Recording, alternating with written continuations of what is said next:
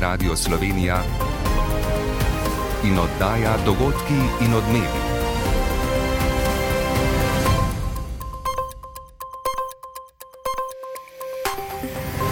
Ura je 15 in 30 minut. Dobar dan. Pozdravljeni. Policija je s protestniki v obdobju vlade Janeza Janša ravnala neustrezno, je pokazal, pokazal nadzor. Uporaba prisilnih sredstev je bila nesorazmerna, vodni curek s primesjo plina so uporabili tudi tam, kjer kršitev sploh ni bilo, naprimer proti invalidu na Birglah. Kot je še povdaril vodja direktorata za policijo Slavko Koroš, so poročilo zaradi sumov kaznjivih dejanj odstopili tožilstvu. Mislim, to so res primeri, za katere lahko rečem samo, če ne drugače, pa vse v svojem imenu, oprostite. Ni druge besede. Vlada je sprejela predlog zakona o pomoči gospodarstvu za subvencioniranje visokih cen elektrike in plina, ohranjanje delovnih mest in zagotavljanje likvidnosti podjetij je predvidenih 1,2 milijardi evrov. Je pa premijer Robert Golob danes kritiziral Brusel, ki bi ceno plina omejil na 275 evrov za megavatno uro. Trgom pošiljamo katastrofalne sporočila, je dejal o prihodu na vrh Evropske unije Zahodni Balkan, na katerem je sicer med drugim povdaril napredek Severne Makedonije in Albanije, pa tudi. Ker lahko pričakujemo napredek tako pri vizni liberalizaciji za Kosovo, kot tudi verjamem za podelitev statusa kandidatke Bosni in Hercegovini. 12 programskih svetnikov predlaga razrešitev generalnega direktorja RTV Slovenija Andreja Graha Votmova, ki pa ga, kot kaže na ponedeljkove sejo, domnevno zaradi bolezni, ne bo. Za zastopanje pred organi zavoda je po oblasti v direktorja televizije Uroša Urbanijo, prvo podpisani pod pobudo za razrešitev Branimir Pjano. Vsaj jaz osebno sem prepričan, da je to namerno izogibanje. Nadaljevalo se bo precej jasno vreme, po nekaterih nižinah bo ostalo megleno ali oblačno. Z vami sva Rok Koželj in Katja Kotnik. Vlada je danes na dopisni seji vendarle sprejela predlog zakona o pomoči gospodarstvu za omilitev posledic energetske krize, ki ga bo državni zbor obravnaval že ta mesec. Ukrepi bodo zaživeli s prihodnim letom. Kljub številnim pripombam gospodarstva in socialnih partnerjev je vlada v zakon ta teden unesla le nekatere manjše popravke. Osnovni pogoj za pridobitev pomoči ostaja, da je podjetje za električno energijo, zemeljski plin ali tehnološko paro odštelo več kot 1,5 kratnik lanske cene. Erna Strniša. Paket pomoči gospodarstvu vredne 1,2 milijarde evrov v bistvenih poudarkih ostaja enak predlogu iz prejšnjega tedna. Upravičeni stroški se začnejo pri 1,5 kratniku lanske cene energenta. Vrst pomoči je pet, poleg enostavne pomoči za manjša podjetja in osnovne posebne pomoči za srednja in večja podjetja, je tu še pomoč zaradi zmanjšane gospodarske uspešnosti ter pomoč za dve kategoriji energetsko intenzivnih podjetij. Za slednje tri velja tudi pogoj paca dobička pred davki za 10 oziroma oziroma za 40 odstotkov v prihodnjem letu. Na novo je vlada določila ceno za enoto energenta, do katere se dodeli subvencija in sicer za največ 510 evrov za električno energijo in 160 evrov za zemljski plin. Vrste pomoči so zamejene tudi absolutno in sicer od 2 do 150 milijonov. Slednje velja za podjetja iz posebej izpostavljenih panok.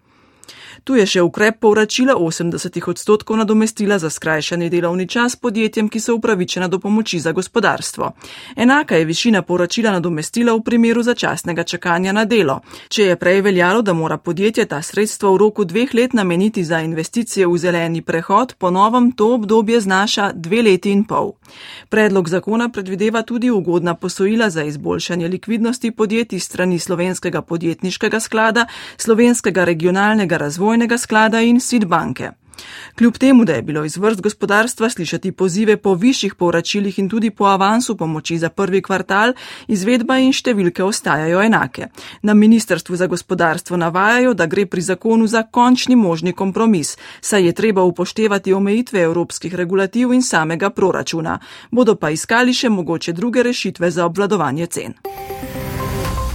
Medtem ko premijer Robert Golop od vršilca dožnosti generalnega direktorja policije Boštjana Lindava do jutri pričakuje pojasnila, kdo in kdaj je v času mandata te vlade izvajal politični pritisk na ali na policijo, so na notranjem ministrstvu predstavili poročilo o izrednem nadzoru nad delom policije pri varovanju protestov.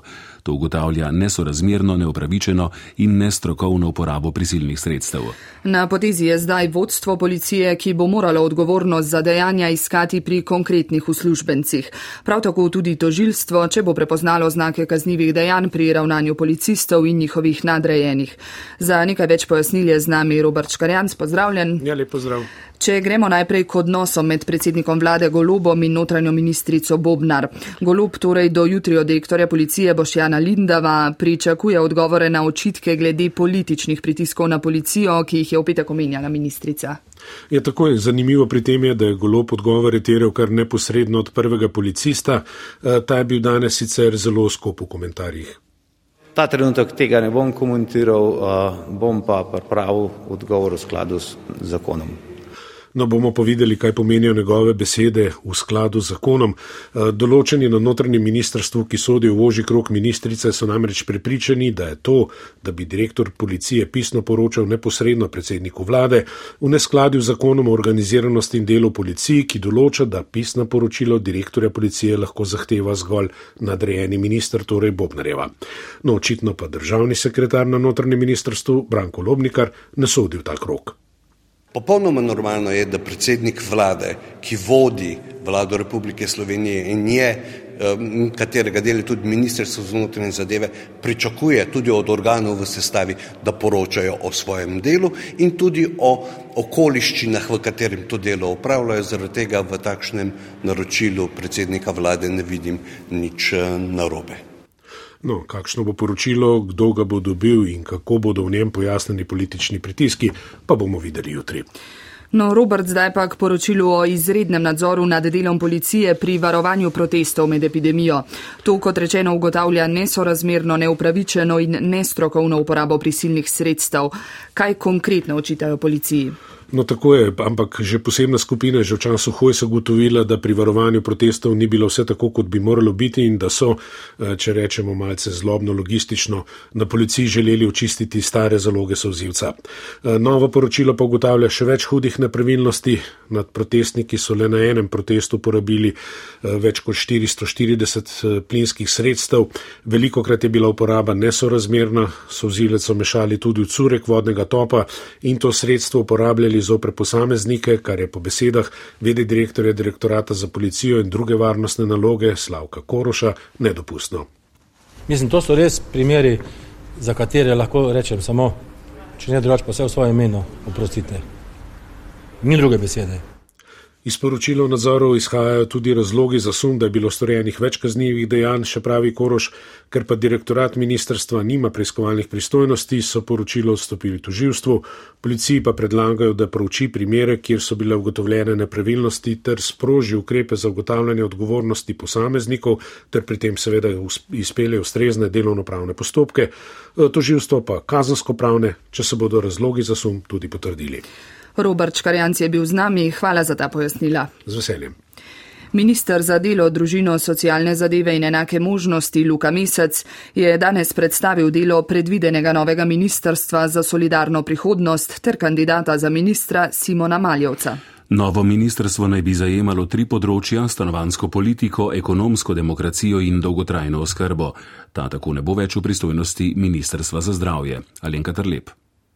Ministrstvo za solidarno prihodnost bo delovalo na novih temeljih, kot pravi Luka Mesec. To ministrstvo gledajte kot na enega od temeljnih delov nove družbene pogodbe, ki jo želimo napisati. Na področju ekonomske demokracije to pomeni vključevanje zaposlenih v podjetja. O tem se pogovarjamo z številnimi podjetji že zdaj, med drugim Devisoft, eh, Ineja eh, je družba, ki eh, se prestrukturira na način, da bodo odkupili zaposleni.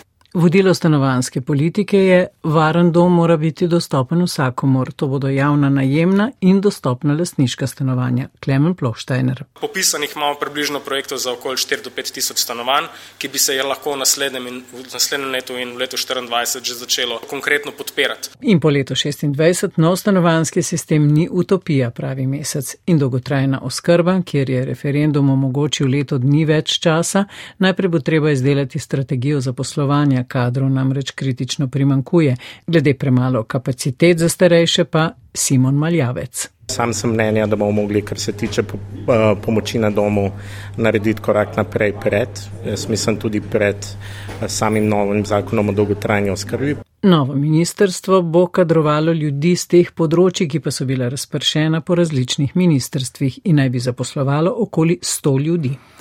Nadaljevanje dela Luke Mesca na Ministrstvu za delo in imenovanje Simona Maljevca za ministra za solidarno prihodnost bo del vladne rekonstrukcije, ki jo bo omogočil začetek veljanja zakona o vladi, potrjenega na referendumu.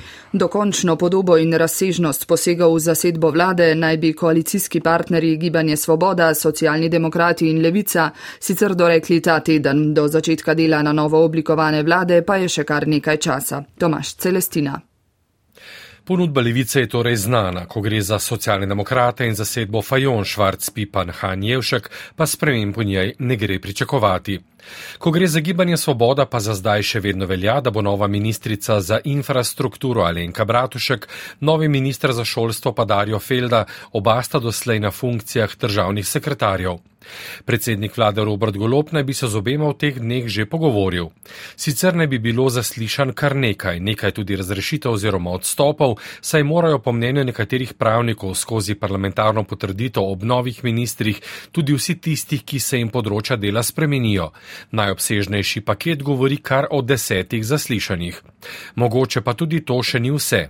V javnosti namreč ne potihnejo namigi, da utegne v ministerski posadki Gibanja Svoboda priti do še nekaj sprememb. Ob tem, kar se dogaja znotraj ministrico Tatjano Bobnar in kar se bo težko kar poleglo, naj bi se v negotovosti po pisanju nekaterih medijev znašel tudi zdravstveni minister Daniel Bešič Loredan. Omenja se še ministra za okolje Uroša Brežana in celo aktualnega ministra za infrastrukturo Bojana Kumra. Sicer pa imajo koalicijski partnerji za pogovore, pretehtavanja in merjenje moči še kar nekaj časa. Če upoštevamo roke DVK za ugotovitev referendumskega izida, pa potem objavo zakona, morebitne pritožbe ter postopke na vladi in v državnem zboru, bo namreč vlada v novi zasnovi najbrž začela delovati šele krepko v januarju. Skupina programskih svetnikov RTV Slovenija predlaga predčasno razrešitev generalnega direktorja radiotelevizije Slovenija Andreja Graha Votmova. Programski svet naj bi o pobudi odločal na svoji redni seji prihodnji ponedeljek. A kot kaže generalnega direktorja na sejo ne bo, saj je od začetka decembra odsoten. Do preklicega pred organi zavoda nadomešča direktor televizije Slovenija Uroš Urbanija. Več Lucija Dimnik Rikič. Razrešitev Andreja Graha Otmoa z mesta generalnega direktorja RTV predlaga 12 od 29 programskih svetnikov. Razlogov, zaradi katerih menimo, da Grah Otmov ne more več opravljati funkcije, je več, pojasnjuje prvo podpisani pod pobudo programski svetnik Branimir Piano. Ena izmed teh je, da je v hiši že od 23. maja stavka. Med drugim se je direktor udeležil kot organizator tudi referendumske kampanje in sta skupaj s predsednikom programskega sveta, ki se je prav tako tega udeležil, za 14 dni blokirala delo programskega sveta ki ni mogel ne razpravljati, ne sprejemati eh, programskega in finančnega načrta.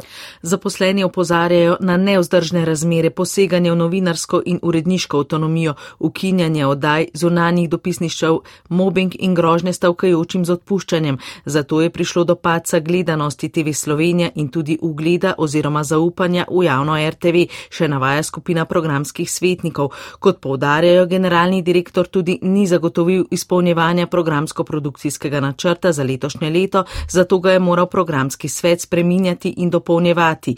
Med programskimi napakami in napakami s finančnimi posledicami med drugim naštevajo ukinjanje oddaj Studio City, Globus, moje mnenje, politično stanje Gobec in Zmišo. Predvideno je, da bo programski svet pobudo za prečasno razrešitev obravnaval prihodnji ponedeljek, tudi Andreja Graha Otmova na sejo ne bo, saj je po neuradnih informacijah bolniško odsoten za nadomeščanje pred programskim in nadzornim svetom svetom ter svetom delavcev pa je vse do preklica pooblastil direktorja televizije Uroša Urbanijo, programski svetnik Piano. Vsaj jaz osebno sem prepričan, da je to namerno izogibanje. Generalni direktor se na pobudo za razrešitev še ni odzval, v službi za komuniciranje zaradi odsotnosti direktorja odziva za zdaj ne morejo zagotoviti. V nadaljevanju dogodkov in odmevov najprej v Tirano, kjer poteka vrh držav Evropske unije in Zahodnega Balkana. V Bruslju se srečujejo finančni ministri unije, ki v nasprotju s pričakovanji niso glasovali o predlogu o zamrznitvi kohezijskih sredstev Mačarski. Pogledali bomo razmere v Ukrajini, kjer po vrsti ruskih raketnih napadov obnavljajo energetsko infrastrukturo. O zaostrenih razmerah poročajo tudi na ruskem ozemlju. V odaji se bomo prav tako spomnili legendarnega slovenskega igralca Mihe Baloha, ki je danes umrl v 95. letu. Bil je del gibanja, ki je v 50 letih prerodilo slovensko gledališče. Voditelji Evropske unije in držav Zahodnega Balkana prav zdaj končujejo vrh, ki je potekal v Tirani, prvič v eni od držav regije. Po ruskem napadu na Ukrajino so v uniji bistveno več pozornosti namenili geopolitičnemu pomenu regije, ki obljubljajo mesto v uniji. V zameno za to pričakujejo izvajanje reform, pa tudi uskladitev zunanje in varnostne politike. V prvi vrsti pričakujejo, da se bo tudi Srbija priključila sankcijam proti Rusiji. V Tirani je Boštjan Anžin, pozdravljen, kakšna sporočila je pričakovati po koncu vrha.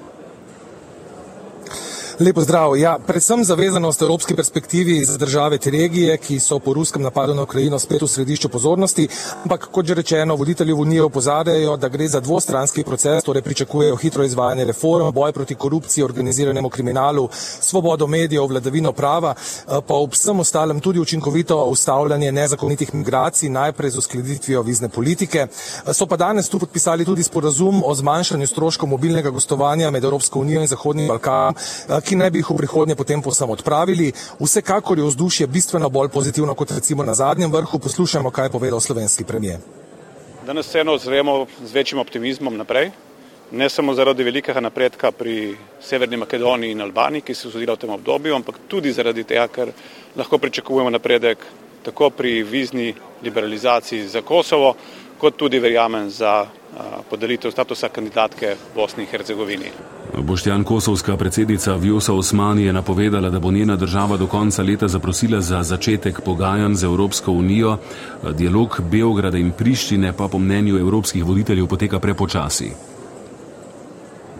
Ja, srpski predsednik Aleksandar Vučić je tu večkrat slišal, da mora tudi Srbija sprejeti evropske vrednote, se torej odločiti, kakšno pot hoče in se pridružiti sankcijam proti Rusiji.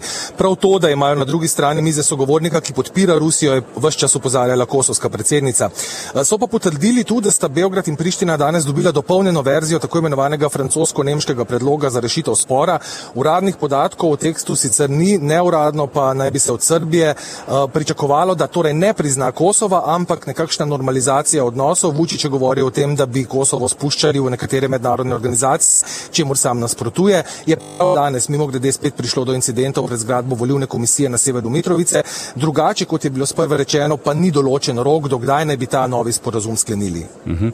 No, kot si omenil, je bila pomembna tema vrha tudi ruski napad na Ukrajino, kjer Unija ostaja enotna. Je bil pa premijer Golob danes kritičen, kot smo že omenili, do evropskega predloga omejevanja cen plina pri 275 evrih na megavatno uro. Golop je novinarjem dejal, da predlog um, je, da je neustrezen, da s tem in v bistvu z neenotnostjo med državami članicami Evropske unije trgom pošiljamo katastrofalna sporočila. Kot pravi so komisija in članice zamudile odličen trenutek, ki se je oblikoval na oktobrskem vrhu Evropske unije v Bruslju. Sporočila, ki jih pošiljamo trgom z neenotnostjo in medlim in celo neustreznim predlogom komisije, pa so po mnenju Goloba katastrofalna. Zato pravi tudi danes plačujemo višjo ceno energije. Sicer pa premije meni, da se um, spodkopava z vsem tem tudi temelj unije, pa je državljanov institucije. Boštjan Anžin, hvala za tole oglašanje in lepo zdrav v Tirano, vam poslušalci in poslušalke pa opravičilo za nekoliko slabšo povezavo. Nadaljujemo v Bruslju, kjer na današnjem zasedanju finančnih ministrov v nasprotju s pričakovanji ni bil sprejet predlog Evropske komisije, da se Mačarski zamrzne 7,5 milijarde evrov kohezijskih sredstev zaradi nespoštovanja vladavine prava.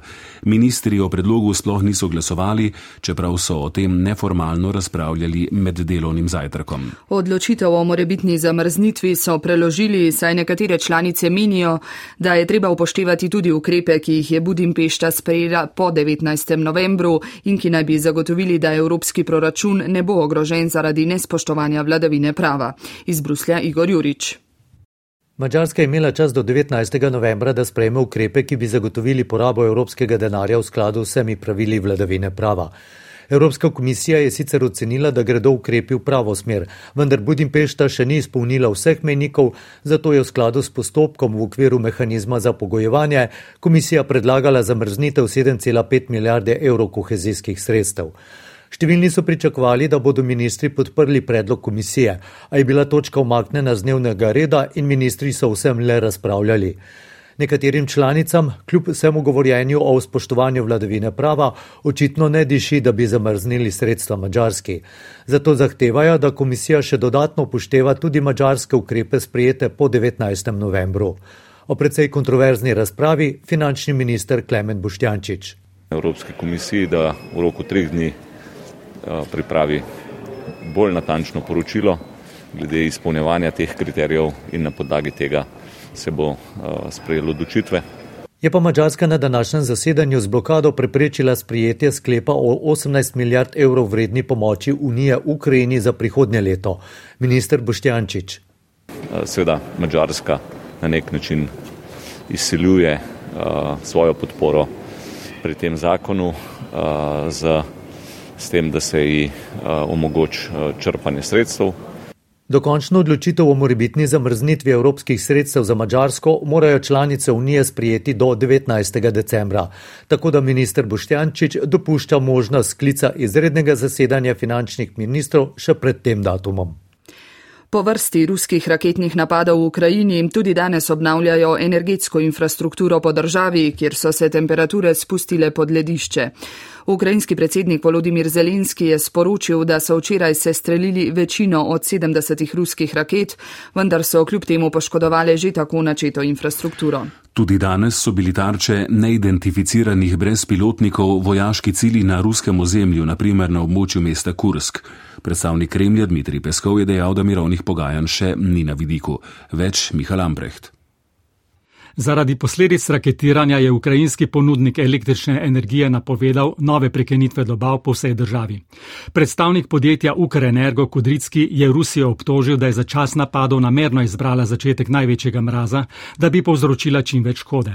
Po mesecu dni raketiranja je poškodovana polovica ukrajinske energetske infrastrukture. Toda, kot je dejal ukrajinski obramni minister Reznikov, Rusi ne razumejo, da ti napadi samo krepijo ukrajinski odpor, hkrati pa tudi odločeno zaveznikov za za podporo Ukrajini. Ob spopadih na širšem območju Donbasa so razmere že drugi dan zaostrene tudi v ruskem zaledju. Po napadih z brezpilotniki na vojaško letališče v Saratovu in Rjazanu o posledicah napadov danes poročajo z območja mesta Kursk na zahodu osrednje ruske regije. Ukrajinci odgovornosti za napad brezpilotnikov tudi danes niso prevzeli, je pa simbolno pomenljiv kraj napada. Tam je bila leta 1943 največja tankovska bitka v zgodovini, to ime je nosila tudi moderna ruska jedrska podmornica, ki je leta 2000 tragično končala na dnu Barencovega morja. Ruski viri navajajo, da sicer obstaja pozitivna dinamika v razpravi o usodi jedrske elektrarne v Zaporožju. Hkrati je glasnik Kremlja Peskov danes posredno komentiral tudi izjavo ameriškega državnega sekretarja Blinkna, da se bo konflikt v Ukrajini skoraj gotovo končal z diplomacijo in pogajanji, potreben pa je pravičen in trajen mir. Po besedah Peskova se Kremelj sicer strinja s potrebo po trajnem miru, toda, spet ta ruski toda, trenutno na horizontu še ne vidijo pogajanj. Za pogajanja s potencialnimi partnerji, tako Peskov, bo Rusija najprej morala uresničiti cilje svoje posebne vojaške operacije, kakor uradno imenujejo vojno v Ukrajini. Pod črto se tragična vojna na vratih Evrope kaže kot Putinov izum, ki ga je s propagandno ideologijo usilil ruski družbi. Iz bližine mesta Slatina na Hrvaškem poročajo, da je okoli 14. ure na nenaseljenem območju strmoglavilo letalo hrvaških zračnih sil MiG-21. Vzrok nesreče naj bi bila tehnična napaka med treningom. Po navedbah Hrvaškega ministrstva za obrambo izvajajo vse ukrepe, da bi našli posadko. Oba pilota naj bi se iz letala katapultirala, po prvih informacijah se je eden že oglasil, drugega pa še iščejo. Na terenu so gasilske službe, reševalne ekipe in ekipe K9 s službenimi psi. Pripravljeni so tudi helikopteri, a zaradi megle in slabe vidljivosti ne morejo vzleteti. Dogodki in odmevi. V 95. letu je danes umrl igralec Miha Baloh, ki je zaigral v več kultnih filmih, kot sta Maškarada, režiserja Boštjana Hladnika in Draga moja Iza v režiji Vojka Duletiča. Baloh je pripadal generaciji ustvarjalcev, ki je v slovenski institucionalni kulturi 50 let minulega stoletja ustvarila idejni preporod Tadeja Krečič za opus v loku 36 filmih, 19 televizijskih dramah in 17 serijah, je leta 2014 prejel nagrado Bert Društva slovenskih režiserjev. Saj je subtilno sodobno filmsko igro, predvsem pa z estetiko in pretanjenim občutkom za filmske junake in antijunake, močno zaznamoval slovenski film. Vendar pa je bil Miha Baloh predvsem gledališki človek. Pripadal je generaciji, ki je sprožila preporod slovenske gledališke igre in gledališča samega. V 50 letih je tako nastopal v eksperimentalnem gledališču in na odru 57, hkrati pa je izjemno veliko igral na odru stalnega slovenskega gledališča v Trstu. Leta 1977 je postal član slovenskega narodnega gledališča Drama v Ljubljani in tam igral tudi še po upokojitvi. Miha Baloh je veliko nastopal tudi na radiju, tako v Trstu kot v Mariboru. Tudi v arhivu Radija Slovenija hranimo številne umetniške oddaje, pa tudi radijske igre, ki jih je sooblikoval v dolgih letih nastopanja pred mikrofonom. Takole je Miha Baloh leta 1980 interpretiral verze Williama Wordswortha v prevodu Andreja Arka. Glej, reka teče, kakor sama ve še hiše zdaj se kot da spi. Moj Bog, kak mir in v njem to veliko srce. Na kratko povzemimo. Izredni nadzor nad delom policije med protesti v obdobju epidemije COVID-19 je razkril številne nepravilnosti, med drugim nesorazmerno, neutemeljeno in nestrokovno uporabo prisilnih sredstev. Notranje ministrstvo je poročilo poslalo tožilstvu. Vlada je sprejela predlog zakona o pomoči gospodarstvu za subvencioniranje visokih cen elektrike in plina, ohranjanje delovnih mest in zagotavljanje likvidnosti podjetij je predvidenih 1,2 milijarde evrov. Državni zbor ga bo obravnaval že ta mesec, ukrepi pa bodo zaživeli s prihodnim letom. Voditelji Evropske unije in držav Zahodnega Balkana v Tirani končujejo vrh, na katerem so govorili predvsem o geopolitičnem pomenu regije po ruskem napadu na Ukrajino. Ob robu vrha so podpisali sporazum o manjšanju stroškov mobilnega gostovanja, ki naj bi jih v prihodnje povsem odpravili. Sledijo športne minute, z vami bo Tomaš Langerholz. Hvala za pozornost. In nasvidenje.